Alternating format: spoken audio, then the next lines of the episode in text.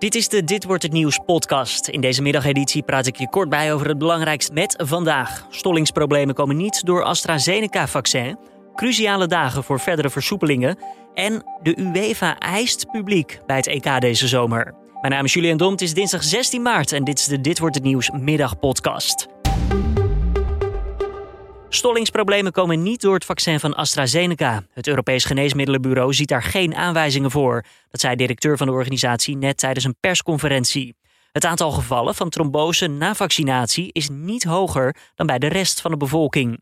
Daarnaast is het effect op de coronapandemie gunstig. We are still firmly convinced that the benefits of the AstraZeneca vaccine in preventing COVID 19 with its associated risk of hospitalization and death outweigh the risk of these side effects. Het onderzoek van de EMA loopt nog wel. Deze donderdag komt de eindconclusie van dat onderzoek.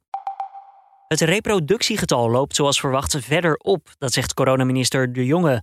Het is nu 1,06 en het was vorige week nog 1,01. Als dat cijfer rond de 1 blijft en het aantal ziekenhuisopnames ongeveer op het huidige niveau blijft, zijn volgens de jongen nieuwe versoepelingen wel mogelijk.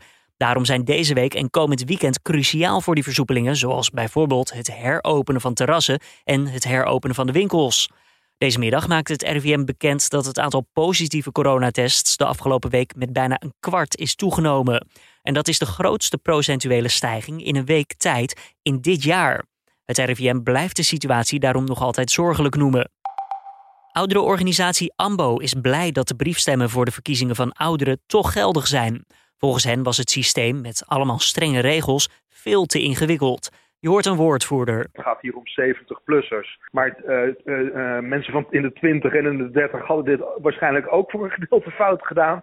Ehm, dus het is met goede intenties gebeurd, maar te ingewikkeld gemaakt. Veel briefstemmen werden ongeldig verklaard omdat ze bijvoorbeeld in de verkeerde envelop zaten. Vanmorgen zei minister Ollongren dat de procedure wordt aangepast. Ze had zich niet zo gerealiseerd dat het voor ouderen zo verwarrend was allemaal. De stemmen worden nu alsnog meegeteld, zolang het stembiljet maar op de goede manier is ingevuld. De schrik zit er goed in op de Utrechtse Uithof vanwege een groot ongeluk. Je hoort een verslaggever ter plaatse. Vanochtend om 11 uur is er een uh, aanrijding geweest tussen een uh, Jumbo-busje hier achter mij uh, met een tram van de Uithoflijn. De tram volledig ontspoord. betreft twee treinstellen of twee tramspellen die ontspoord zijn. Nou, de ravage is enorm, maar gelukkig zijn er geen gewonden gevallen. Ook met de beide bestuurders is het allemaal goed afgelopen. Het tramverkeer is voor onbepaalde tijd stilgelegd, maar de vervoerder UOV verwacht niet dat het vandaag nog op gang komt. Sinds drie uur rijden er ook bussen en het verkeer wordt omgeleid. De Europese Voetbalbond UEFA eist dat er dit jaar toeschouwers bij het EK kunnen zijn. Voetballen in volledig lege stadions noemt de bond ondenkbaar.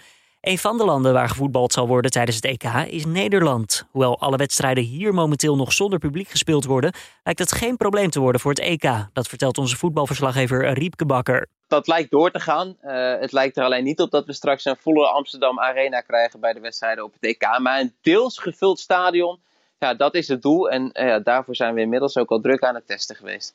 Begin april moeten alle gastlanden laten weten hoeveel toeschouwers er in de stadions aanwezig zullen zijn. En een primeur bij de Oranje Leeuwen. Voor het eerst fluit een vrouw een duel van de Oranje Mannen. In de WK-kwalificatiewedstrijd tegen Letland volgend week zaterdag is het Stefanie Frappard die de leiding heeft. Deze dame staat dan op het veld, maar wel met flink wat ervaring. En daarover hoor je nogmaals ons voetbalverslaggever Riepke Bakker. Nou, het is de, de beste vrouwelijke scheidsrechter ter wereld en de vrouw die al jaren fluit uh, bij de mannen. Ze heeft door de Champions League gefloten. Ze heeft de Europese Supercup finale tussen Liverpool en Chelsea gefloten. En nu is het de beurt aan Oranje. Voordat Oranje tegen Letland speelt, mogen ze eerst volgende week woensdag het nog opnemen tegen Turkije. En ook dat is een WK-kwalificatieduel. Dan nog eventjes het weer van Weerplaza. In het westen en in het zuiden regent het. Het noordoosten houdt het vervolgens op de meeste plekken wel droog. Het is 7 tot 8 graden. Morgen een bewolkte dag, soms een bui. En ja, af en toe komt de zon er ook nog eventjes doorheen. De temperatuur die blijft ongeveer gelijk.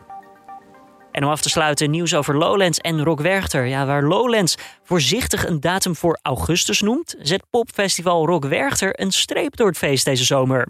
De coronapandemie zette vorig jaar ook al een streep door dat Belgische festival waar veel Nederlanders op afkomen. En de afgelopen maanden groeide wel wat de hoop, maar toch lijkt de allerbeste Rock Werchter ervaring er niet in te zitten al dus de organisatie.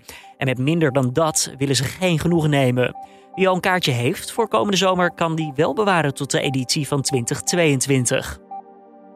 En dit was dan de Dit wordt het nieuws podcast van deze maandag 16 maart. Tips of feedback? Laat het ons weten via podcast.nu.nl, het bekende adres. Mijn naam is Julian Dom. Morgenochtend is Carne van de Brink weer om 6 uur ochtends op de voorpagina van nu.nl en in de app. En ik zeg dan ook weer tot de volgende.